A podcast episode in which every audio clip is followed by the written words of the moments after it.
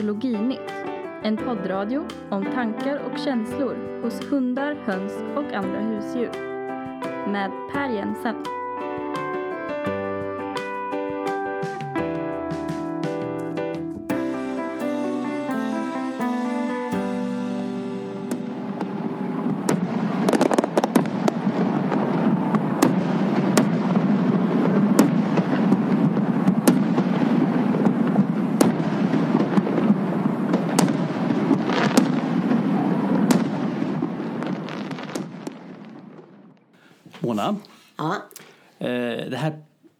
Avsnittet spelar vi ju in när det är några dagar kvar till nyårsafton. Längtar du till nyårsafton? sådär. Man är lite gammal för att längta efter nyårsafton. Ja. Tror, du, tror du våra hundar längtar efter nyårsafton? Nej, i alla fall inte en av dem. Nej. Hon hatar nyårsafton.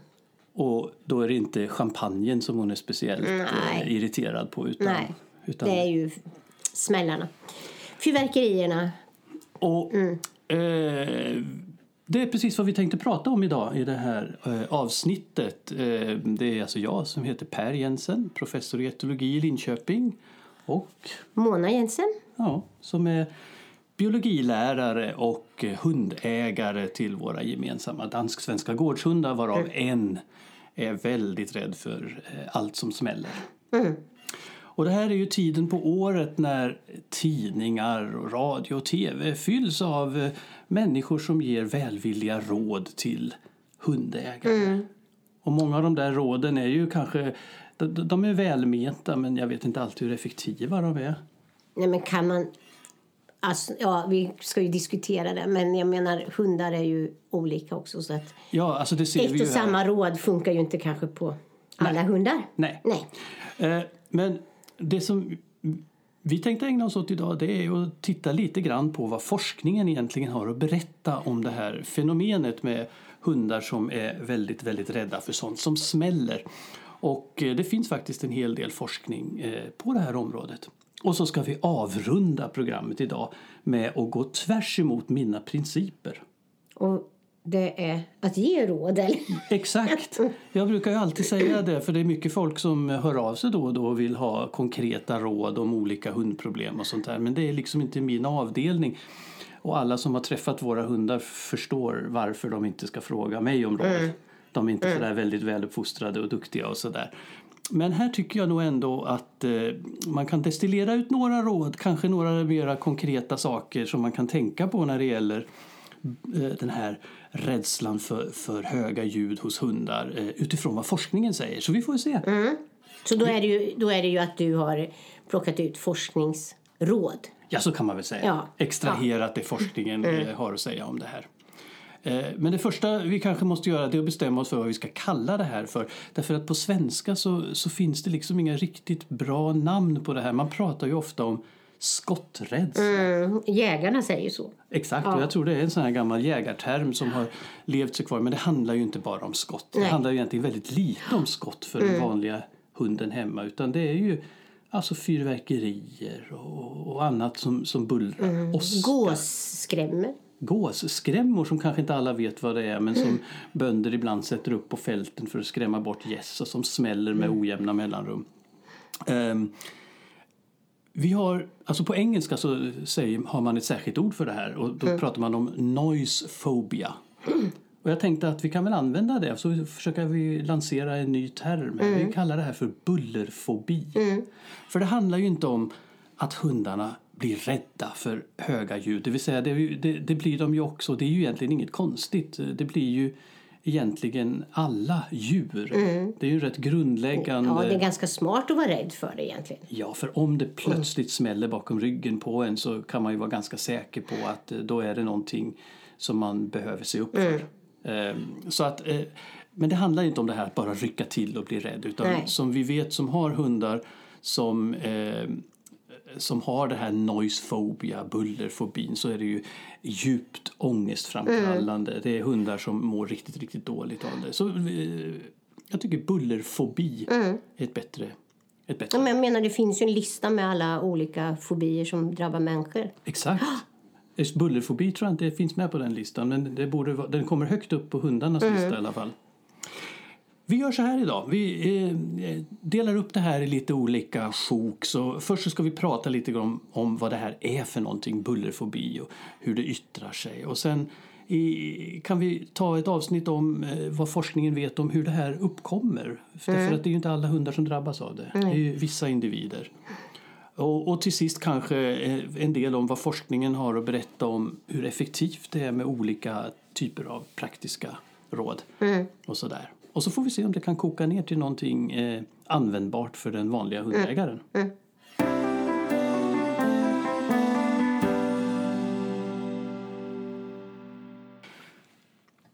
Ja, vad är då det här bullerfobi? Eh, Alltså jag har gjort så här idag att jag har plockat fram ett antal vetenskapliga artiklar för att liksom eh, kunna läsa lite till och berätta om vad forskningen har att- säga om det här. Och eh,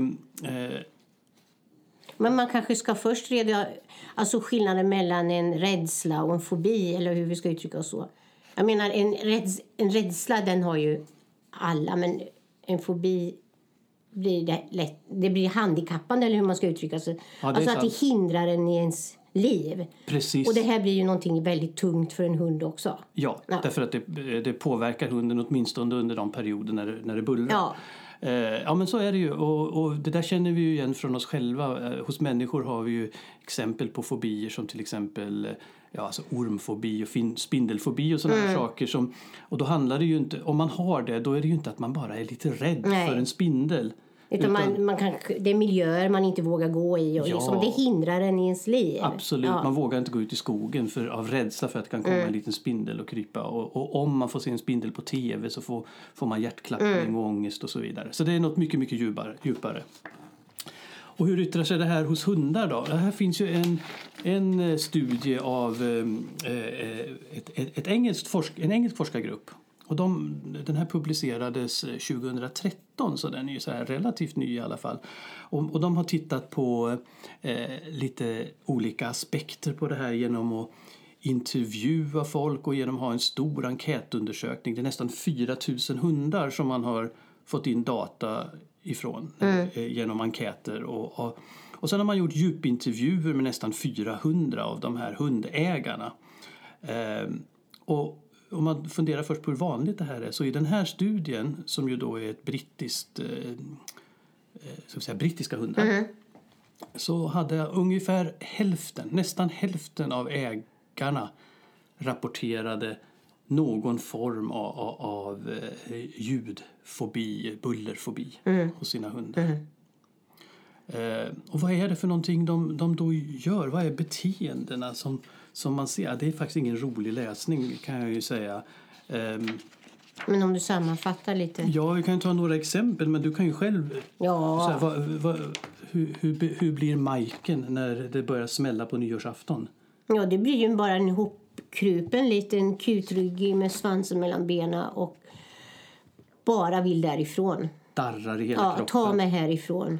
Och, ja, antingen att hon ska ligga i knät Ja, eller... det är inte det heller det känns det som. knappt. Det är liksom... Eh, Här, här är en liten tabell över vad, vad folk eh, såg hos hundar som hade den här fobin. Det var skällande. Eh, f- försök att fly och komma undan, precis som vi säger. Eh, skakar, eh, darrar i hela kroppen. Eh, söker sig till människor. eh, Kissar och bajsar inomhus. Gömmer sig. Dreglar. ja, det är verkligen kroppsliga responser här. Ja, Ja. och inget, ingen kul läsning. Tvärt emot vad som ofta påstås eh, så eh, ylar de inte. Nej. Väldigt sällan. Eh, och det här är ju ett missförstånd att det här eh, bullerfobin skulle ha något att göra med att ljudet i sig är så smärtsamt och obehagligt för hunden att de, att de skriker av smärta. För det Nej. första har ju ylandet ingenting att göra med smärta. Nej, nej. Och för det andra så är det ju inte så att, det är ljud, att, det, att ljudet är smärtsamt på något sätt. nej. Nej. Så det, det är ett litet missförstånd vi kan, eh, vi kan eh, avfärda, tycker jag. Ja, ja, jag menar, det, det kan ju vara långt bort. Man kan ju lätt få för sig då att det här är hundar som är allmänt eh, rädda. Hundar som, som är ångestbenägna. Men, men så är det faktiskt inte. Den här eh, studien visar ganska tydligt att eh, eh, om de är rädda för en typ av sån här buller, till exempel eh, fyrverkerier, så är de oftast också rädda för andra typer av liknande buller. Som till exempel eh, gevärsskott, eh, Åska. åska finns också listat i den här artikeln som en sak som, som eh, samvarierar, som man säger, med eh, bullerfobin. Eh, så det, det är verkligen själva bullret. Men eh, det har ingen som helst relation till andra ångestrelaterande beteenden som till exempel eh, separationsångest. Som är en annan av de här topp topp fem rädslorna hos hundar. Som Vilka är det som är hundars topp fem? Ja, men det är ju eh, eh, separationsångest och det är det vi pratar om idag, bullerfobi. Och sen har vi ju till exempel eh, rädsla för främ, främmande människor, rädsla för främmande hundar och så vidare. Men de här verkar alltså inte ha något som helst samband med bullerfobin. Så att bullerfobi är någonting väldigt speciellt, någonting eh, helt eget hos hunden. Ja, så tittade man lite grann också på vad, vad, vad är det eh, vad, vad, vad finns det som kan så att säga hjälpa till att förklara uppkomsten av det här och då visade det sig att eh, rasskillnaderna är ganska stora faktiskt. Okej, ja. Så vissa raser är mer och vissa raser är mindre eh, benägna att utveckla det här beteendet.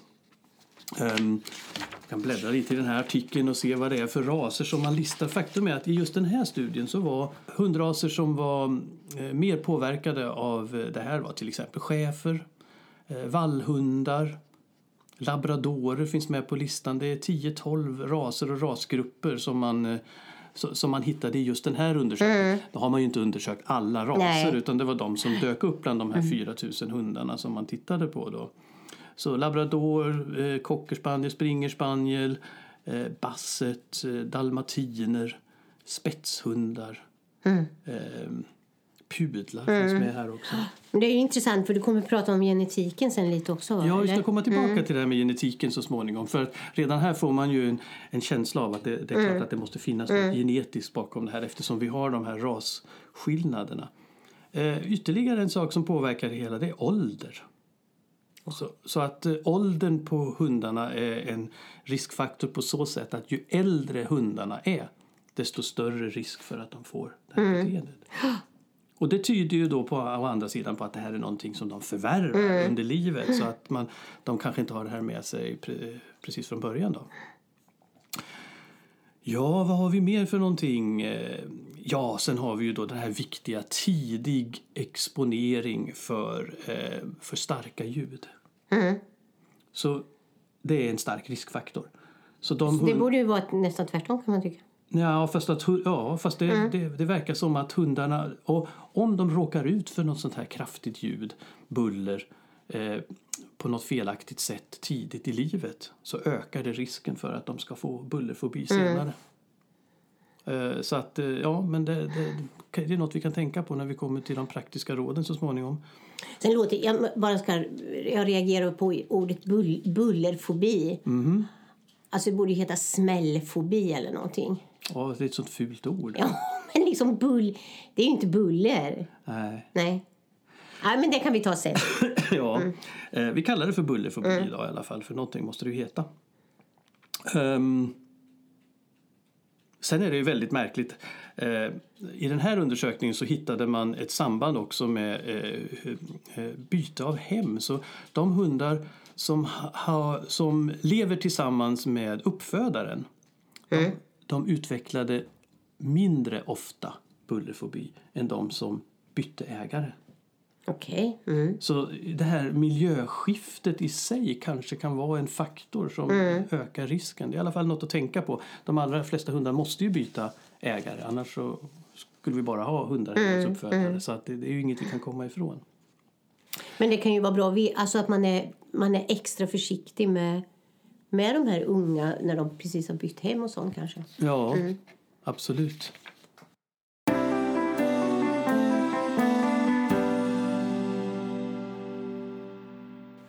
Ja, men då vet vi ju att eh, det här med bullerfobi eh, är förmodligen ärftligt till någon del. Det är ju en vanlig fråga som man får eh, när folk har såna här hundar som drabbas av det här. Och det är, är det så att det här är något de föds med? Eller, eller, och det är klart att det är väl som med alla beteenden att det är aldrig antingen eller. Nej, att man är olika disponerad eller vad man ska säga för olika saker. Så är det nog Men antagligen. jag menar så är det ju med, med de mänskliga fobierna också. Det, Absolut. Ja, man, man, man- föds inte med en spindelfobi. Nej, nej. Utan den kan man utveckla. Men däremot är det skillnad rent genetiskt om man kommer utveckla den eller ej. Det finns inte så där jättemycket forskning på det här med ärftlighet men det finns några studier och bland annat eh, har jag plockat fram en här som, eh, som är från 2008 och från ett, eh, ett svenskt, eh, svenskt holländskt forskarsamarbete eh, där man har utnyttjat det hundmaterial som fanns på den gamla Statens hundskola. Det som sedermera avvecklades och sen ombildades till Försvarets hunduppfödning. Men här vid Statens hundskola så mellan eh, 1980 och 2003 så födde man upp ja, flera tusen eh, labradorer och schäfrar. För, och, och de, eh, uppfödningen gick till på ungefär samma sätt som den gör idag. Det vill säga man, hundarna föddes i hundstallen uppe i Sollefteå och sen placerades de ut i fodervärdar när de var valpar och sen kommer de tillbaka vid 18 månaders ålder. Då går de igenom någonting som försvaret kallar för en lämplighetstest. Det påminner väldigt mycket om såna här mentalbeskrivningar och, och, och mentaltest och är för någonting. I det här så ingår ett skotttest. Och då sätter man poäng på hur pass rädda hundarna blir för, för de här skotten. Och eftersom eh, man då har de här stora hundmaterialet med släkttavlor och så vidare så kan man beräkna hur mycket som är ärftligt i reaktionerna. Det visar sig att det skiljer sig rätt mycket eh, i, det här, just det här hundmaterialet mellan raserna. Men eh, mellan ungefär 25 och 50 procent av eh, beteendet har eh, en, en genetisk grund kan man säga. Nu, nu slarvar jag till det lite grann. Det, här, det man beskriver i artikeln det är att arvbarheten eller heritabiliteten som man säger med en fin term ligger på mellan 25 och 50 procent cirka. Och, och vad betyder då det? Det här är ett, ett begrepp som är lite svårt att, att ta till sig kanske men enkelt uttryckt kan vi säga att om vi antar att om vi lägger oss på någon slags genomsnitt här, 30-35 procent kanske eh, så kan vi säga att ungefär 30 procent av variationen i bullerfobi eller skotträdsla som det handlar om här. Ungefär 35 procent av variationen i den här skotträdslan beror på genetiska skillnader mellan hundarna. Är det mycket eller lite då? När det gäller ett beteende är det väldigt mycket. Och det betyder ju ett par olika saker. För det första att det finns en stark genetisk komponent i det här. Eh, Det är förmodligen många gener inblandade eftersom vi har så stor variation mellan raserna här i, i, i det här ärvbarhetsmåttet. Eh, och, så det betyder att man ju faktiskt kan avla på det här. Eftersom vi har så mycket genetisk variation kvar för, eh, som, som, som så speglar det här beteendet så kan man faktiskt också avelsvägen reducera det om man skulle vilja det. Men det betyder ju också att det finns en väldigt eh, stor miljökomponent. Därför att om det är 30-35 procent som är, förklaras av genetisk variation då har vi ju en 65-70 procent som förklaras av miljövariationen. Alltså saker som hundarna är med om under sitt liv och som, som påverkar det här beteendet. Eh, och det är väl i stort sett vad vi vet om, om eh, arvbarheten idag. Och, Men då kan man ju fundera över vilka livsfaktorer som, som då är, är viktiga här. Vad är det som, som gör att en, en hund utvecklar det här? Då? Ja, för det första så är det ju precis som du sa tidigare Mona, att det, eh, man föds inte med det här beteendet då, utan man föds med en större eller mindre disposition för att utveckla det. Så man kan vara olika känslig för olika saker. Här är en, en, en finsk undersökning som jag har plockat fram. Den är från 2015.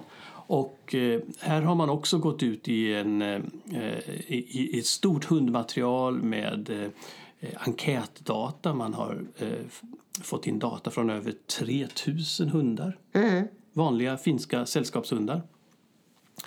Och eh, här var man inte bara intresserad av just bullerfobi utan alla möjliga typer av rädslor och, och fobier hos hundarna.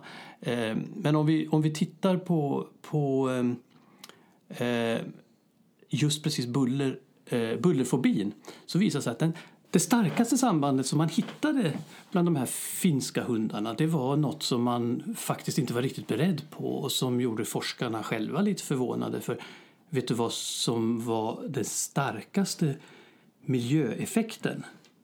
Nej. Det handlar om daglig motion. Okej. Så det visade sig helt enkelt att de hundar som fick mest daglig motion hemma hos sina ägare de hade den lägsta risken att utveckla bullerfobin. Men det Ja. påminner lite om den här äh, hjärnkraft. Alltså att människor som rör sig mycket, att det påverkar hjärnan. Att man mår bättre rent psykiskt. Ja, det verkar finnas ett starkt samband hos oss människor i alla fall. Och mellan- gåendet och dopaminet och sådana saker. Ja, dopaminet är ju en, är ju en fullt Viktig. möjlig faktor här. Och, och, eh, någonting som inte forskarna spekulerar så mycket i för det här är ju ett samband och vi vet ju inte riktigt Nej. vad mekanismerna är här. Men, ja, men det skulle ju också kunna vara så enkelt som att en hund som får mycket promenader och motion och Stimulans, aktivering, ja. att, att den helt enkelt blir mer robust och mer ska vi säga, tolerant mot sådana här plötsliga skrämmande saker som, som buller utgör. Ja, häftigt. Ja, men det var i alla fall intressant för det var den klart starkaste faktorn här och eh, den påverkar även eh, såna här saker som eh, separationsångest och, och liknande. Så de tidiga erfarenheterna här eh, verkar ju vara otroligt viktiga. Så det som hunden råkar ut för under valpstadiet och senare. Eh, För en annan sak som man också såg i samma studie eh, som man inte kan göra så mycket åt som enskild hundägare såklart, det var att ju bättre tiken hade tagit hand om valparna desto mindre risk att utveckla sån här bullerfobi. Och där är man ju lite chanslös som hundägare. Ja, det går ju inte Nej. att spela tillbaka bandet och börja om utan man, har ju, man får ju den hund som man får. Så här finns det då en massa intressanta samband förstås och eh, eh, de är ju någonting som man kan ta med sig och tänka på och kanske kan de hjälpa till lite grann i vardagen också. Men en sak som, som jag personligen tyckte var väldigt förvånande det är en forskningsrapport som jag hittade här eh, som publicerades för några år sedan av eh, ett australiskt forskarpar. Frå- eh, och 2006 kom det arbetet ut. Och vi har ju pratat tidigare, du och jag, om det här med det vi kallar för hänthet. Alltså hos människor har vi högerhänthet och vänsterhänthet.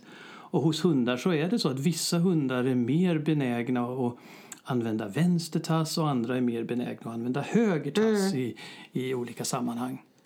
Och de här forskarna trodde att det här skulle kunna tänkas ha ett samband med det här. Så man studerade ett 50-tal hundar och eh, eh, bestämde hur hundarna, eh, vilken hänthet de här hundarna hade genom att ge dem en, en leksak med lite godis i och så mätte man vilken tass de använde. Eh, och man tänkte sig säkert då att eh, kanske vänstertassade hundar skulle vara i högre riskzon eller högertassade eller så. Men det man faktiskt kom fram till det var eh, återigen lite förvånande. De hundar som hade högst risk att utveckla den här bullerfobin det var faktiskt de som varken var vänster eller högertassade Men utan använde båda tassarna i lika stor utsträckning. Och det här kan man naturligtvis inte förklara på så här rätt upp och ner för det är återigen bara ett samband men vi vet ju att det här Men någonting på hjärn... Alltså, Ja, de har ju något att göra med samspelet mellan hjärnhalvorna. Därför att hjärnan är ju mer eller mindre lateraliserad, det vill säga hjärnhalvorna gör lite olika saker. Det som gör det här extra spännande tycker jag, det är ju som forskarna själva då eh, pratar om i det här arbetet, det är att hos människor som lider av extrem ångest och depression och liknande de människorna har ofta en lägre hänthet. Det vill säga de är inte riktigt lika högerhänta eller vänsterhänta utan de är lite mitt emellan. Det är ju jätteintressant det här. Ja, för det, det visar verkligen att det, det här har någonting att göra med, med eh, eh, kommunikationen Ja. i, i hjärnan. En sak som absolut inte har dykt upp i den här forskningen någonstans det är det här sambandet som många inbillar sig med ljuset i fyrverkerierna. Jag har hört Mm. såna här påståenden som att hundarna egentligen blir rädda för själva ljusexplosionerna Mm. Och sen överför de det här på bullret. Okej. Mm. Men sådana samband är det ju ingen som har hittat eh, och, och, och det verkar ju väldigt ologiskt också. Ja, ja. Därför att det är ju själva bullret som de reagerar på oavsett om, det, om de ser ljusfenomenen eller inte. Utan snarare är det väl precis tvärtom att om hunden redan har utvecklat den här bullerfobin så kan de sen komma att associera de här ljusexplosionerna med samma typ av rädsla. Så liksom i andra hand blir de rädda också för ljuset. Men eh, ja, men det, det är väl ungefär vad forskningen vet idag om hur, hur de här beteendena utvecklas.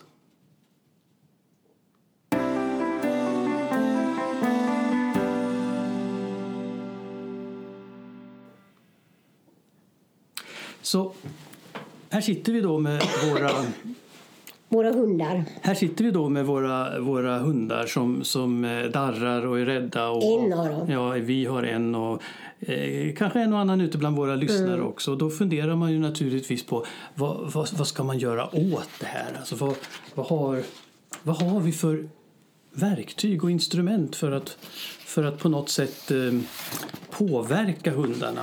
Och eh, det finns ju en del forskning på det här också därför att eh, det finns ju en del saker man kan eh, eh, testa som, som Jo, går men att del går ju inhandla. till veterinären med sin hund. Alltså att det är Ja. ett sånt stort problem. Och veterinären kan ju skriva ut tunga saker, lugnande medel och så vidare om, man får ett, om, om det är riktigt, riktigt allvarligt. Men eh, någonting som man kan få helt eh, receptfritt eh, det är ju eh, såna här feromoner. Och det vet jag att det är en del veterinärer som rekommenderar. Ett, ett feromon då ska vi kanske säga, det är ju ett doftämne som man eh, eh, Ja, man, man, Man- man, känner det liksom inte, men det, det har ingen lukt utan det bara går rakt in i hjärnan. Ja. Och de här doftämnena de, de eh, ofta har att göra med, med sexuella beteenden och, och, och sådana saker. Men även, det finns även så här lugnande feromoner och ett av dem har ett väldigt fint namn. De kallar dem för Dog Appeasing Pheromone med ett engelskt namn och det är förkortat DAP. DAP. Och det här kan man köpa i lite olika former och så. Och, eh, man har till exempel eh, kan man få dem i en liten dosa som man sätter in i vägguttaget och så puffar det ut lite av det här feromonet som då ska sprida sig i huset och göra att hunden känner sig lugn. Men Men funkar inte det här då? Ja, här är ju forskningen eh, minst sagt lite kluven. Jag har ett par eh, undersökningar som jag har, som jag har plockat fram här. Och, eh, en är från en, fransk forskargrupp som helt enkelt gick igenom allt som hade publicerats på det här området. Alltså alla forskningsstudier som hade gjorts. Och det var fram till år 2010 det här. Eh, och det något deprimerande resultatet var att av de 14 rapporter som verkligen hade studerat det här på lite olika sätt så var det 11 som visade inget resultat alls. Hur många? 14? Av 14 rapporter så var 11 eh, ineffektiva. Okej. Så inga, inga resultat av det här.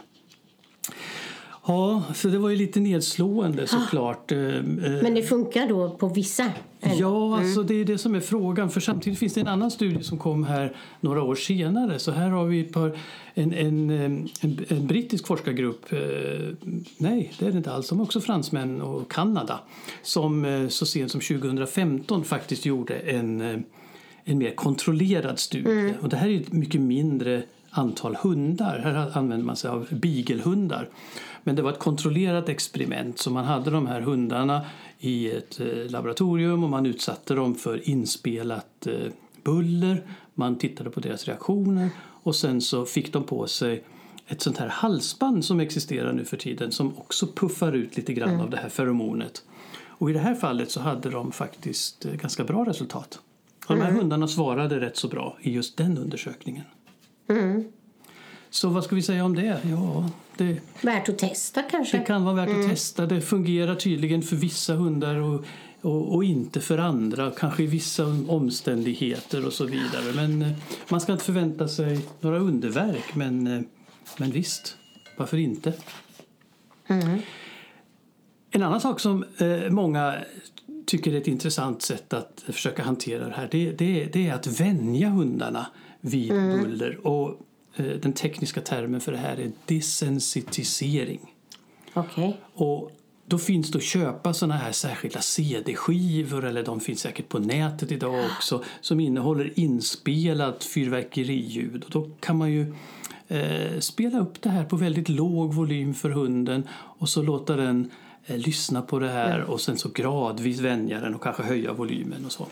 Eh, det här har man också varit, ja, Eh, en del har varit väldigt skeptiska till det här och, och, och en del så, hörsägen säger att ja, men det funkar inte alls och så. Men här är en undersökning i alla fall från 2008 där eh, två brittiska forskare har tittat på effekterna över lång tid av det här och då, då har man verkligen följt konstens alla regler. Så de här hundarna har gått igenom ett åtta veckors ja. träningsprogram så man har gjort det väldigt, väldigt noga. Och då funkar det? Ja, men i den studien fick man faktiskt ganska stark effekt. Så, sent, så, så lång tid efteråt som ett år kunde man se att hundarnas rädsla och reaktioner på buller hade, hade minskat ganska väsentligt. Men annars så, de flesta hundar märker ju liksom om det är, om det är på tvn eller radion så reagerar de ju inte på Nej. fyrverkerier och så. Att Precis. de kan skilja. Ja, exakt. För det, det, det blir ju lite andra ljudfrekvenser och så när det kommer ut ur en högtalare och så. Men, men eh, den här studien visar i alla fall att det, det skulle kunna fungera. Men då ska man ju också komma ihåg att det här, var, här följer man verkligen ett noggrant program, åtta veckor och det, det tar sin tid. Säger det någonting hur mm, ägarna, hur man ska bete sig när man kör sånt här? Eh, nej, jag tror inte mer än att man ska vara eh, lugn och avslappnad och, och eh, själv inte vara stressad och rädd när man kör de här, eh, de här ljuden i bakgrunden. Kanske värt att testa? Ja, Åtta veckor. åtta veckor om man vill sätta av det så kan det ju vara det. Sen har man ju den här märkliga eh, synpunkten som jag tycker upprepas eh, ofta i tidningar och i tv-reportage och sådär. Det här att man inte ska trösta hunden när den är rädd. Ja, det, jag tycker det är jättekonstigt. Men det påstår man och jag antar att eh, tanken bakom det är att om man själv om man tröstar och ömkar hunden så på något vis bekräftar man att hunden, för hunden att det här verkligen är farligt och skrämmande. Och det- därför är det bättre att bara nonchalera den och låtsas som ingenting. Ja, det, Men- det är jättekonstigt tycker jag när någon är väldigt rädd att man bara ska vissla där. Ja, det kan man verkligen tycka. Och eh, som tur är så finns det ju forskning som säger och som stödjer precis raka motsatta. Och då är vi tillbaka på ett hormon som vi har pratat om tidigare, du och jag, i den här radiopodden, nämligen Oxytocin. oxytocin. Ja, eh, och det här hormonet eh, det är ju ett hormon som, som har en massa olika effekter på kroppen men alla effekter är egentligen precis raka motsatsen till det som stresshormon gör. Och här har vi en undersökning eh, som eh, är från 2011 av en grupp svenska forskare som helt enkelt mätte effekten av att klappa hunden, alltså fysisk Ja. interaktion på oxytocinnivåer, för sig både hos ägare och hos hund och även på stressreaktioner. Och resultaten där var ganska entydiga. Alltså sitter man och klappar sin hund 15 minuter så ökar oxytocinnivåerna. Och då sänker man stresshormon. och då sänker man stressnivåerna, hjärtfrekvensen går ner. Och både hund och ägare blir mycket lugnare.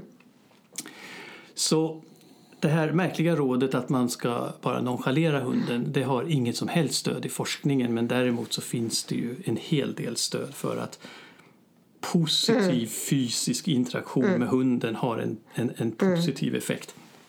Men eh, det är klart att man ska komma ihåg att eh, känslotillstånd smittar. Det finns mycket forskning som visar det. Att om ägaren är stressad så blir hunden stressad. Det finns ju en risk att när hunden börjar darra och, och, och dregla och, och allmänt bete sig Alltså att man påverkas att som man är... själv påverkas och blir stressad och så förstärker man alltihopa. Så, som grund, grundförhållandet är väl här att man ska, man, man ska själv vara lugn och så ska man eh, lugna hunden efter det. Om man vill ha en effekt.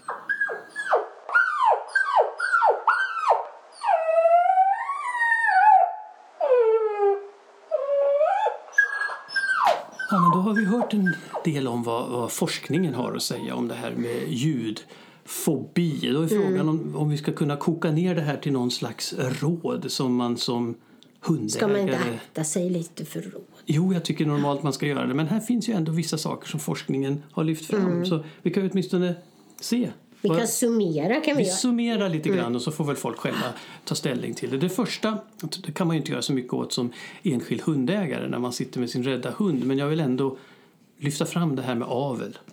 I och med att vi vet att det finns en genetisk grund och att det finns en stor genetisk variation här så går det att avla. Men jag är inte säker på att eh, det här är någonting som hunduppfödaren i gemen tar till sig.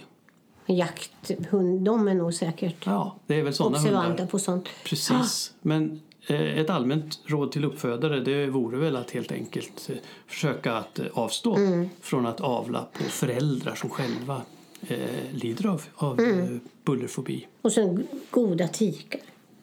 Goda tikar som... Eh, Omhändertagande. Absolut. Och den tidiga uppväxten, och där börjar man ju kunna göra saker själv då, från det att man får hem sin lilla valp. Att man faktiskt försöker att undvika eh, obehaglig exponering för buller och oljud under den här första valpperioden. Så inga smällar, inga plötsliga ljud Men är det inte ibland lite så här att man tvärtom, att man ska uppsöka allehanda miljöer och så med sina... Jo, men det tror jag absolut ja. att man ska tillvänja dem. Men, Men jag menar, men- man kanske faktiskt ska låta dem där, den där tiden vara lugn. Jag tror att den ska vara lugn men samtidigt lite variationsrik. Sådär. Man tar inte med hunden till skjutbanan. Man tar inte med hunden på nyårsafton till eh, torget för att titta på fyrverkerier och sådana saker. Utan man undviker den typen av exponering. Sen har vi det här rådet som jag tycker är väldigt spännande från, det, eh, från den finska studien eh, där vi ser effekten av motion. Och, och, och det kan ju för sig aldrig vara Vad fel. fel, nej. För Nej, varken för- ägare eller hund. Va? Ut och Nej. gå, ut och gå. Långa promenader, aktivera hunden, aktivera er själva. Gåendets läkande kraft. Eh, Ja, det är bra. Och, och, så att, eh, det kan ju vara ett bra sätt att förebygga det hela. Och det kanske är för sent på själva nyårsafton Mm. men det kan ju ändå vara värt att, att, att, testa det här. Att på morgonen, eh, mitt på dagen, innan det har börjat smälla på allvar. Att man tar en riktigt lång promenad Mm. och riktigt aktiverar sin hund. Det, Mm. det, skulle det inte direkt fungera mot bullret så har ni i alla fall haft en trevlig promenad. Mm. Eller hur? Sen är det det här då med desensitisering Mm. och DAP, alltså det här feromonet. Mm. Ja, Och det finns alltså receptfritt. ja, hormoner Mm. finns receptfritt att köpa och eh, skivorna eller ljudfilerna de finns att hämta på nätet Mm. och de finns att köpa. Eh, förvänta er inga underverk. Mm. Men varför inte testa det? Om man nu har besvär med en hund. Så, ja, en del hundar verkar ju ändå svara på det här. Det vi vet att alla hundar svarar på. Det är ju den fysiska trösten. Mm. Oxytocinet. Oxytocinet. Så om hunden är rädd, om hunden sitter där och darrar.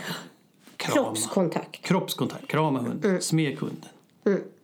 Och då får ni också en mysig stund. Om inte annat. De goda nyheterna i hela det här eh, eländet det är ju naturligtvis att det här problemet med ljudfobi det är ett, ett, tillfälligt problem. Det pågår under tiden som det smäller och dundrar. Men sen när en, ett dygn senare så ser vi inga större effekter på hunden. Och Fast det- det jobbiga är ju om man bor, alltså där det, smäll, det kan ju smälla i två veckor Ja. runt jul och nyår i en del bostadsområden. Det är absolut ett, ett stort Att det är, problem. det är ett samhällsproblem nästan det här egentligen. Alltså. Ja, så är det. Men det är ändå så att eh, det här verkar ju inte sätta några, några långtgående eh, ärr i hunden. Utan hunden blir, när det inte bullrar då är hunden Mm. normal och det finns ingen direkt koppling till andra rädslor. Så man behöver inte vara orolig för nej. att hunden ska bli, få separationsångest Nej. och sånt. För det hänger helt enkelt inte ihop. Så det är väl de goda nyheterna. Och det enklaste rådet man kanske kan ge är inte så himla lätt att, att ta till sig för alla. Men, men om man har möjlighet och man har en hund som är riktigt rädd, ja men man kanske bara ska åka bort. Det finns ju det finns platser som är alldeles tysta. Ja, det gör det. Och det finns pensionat och hotell som har satsat på den här gruppen faktiskt. Ja, och det kan, det kan ju vara det enklaste. Ja. För att då är man bara borta de där timmarna eller det här dygnet som det handlar om så, så har man ju på ett sätt kommit över problemet, åtminstone just den dagen. Och så får vi nya regler om raketer faktiskt nästa år. Det tycker jag är jättebra. Får vi hoppas att det får något, något genomslag också i, till verkligheten. Men det är om detta och det var väl det som vi hade att berätta om vad forskningen säger om ljudfobi och bullerfobi hos eh, våra hundar. Och då får vi väl helt enkelt tillönska hundar och lyssnare ett tyst, stillsamt och gott, Gott nytt år. år. Eller hur? Ja.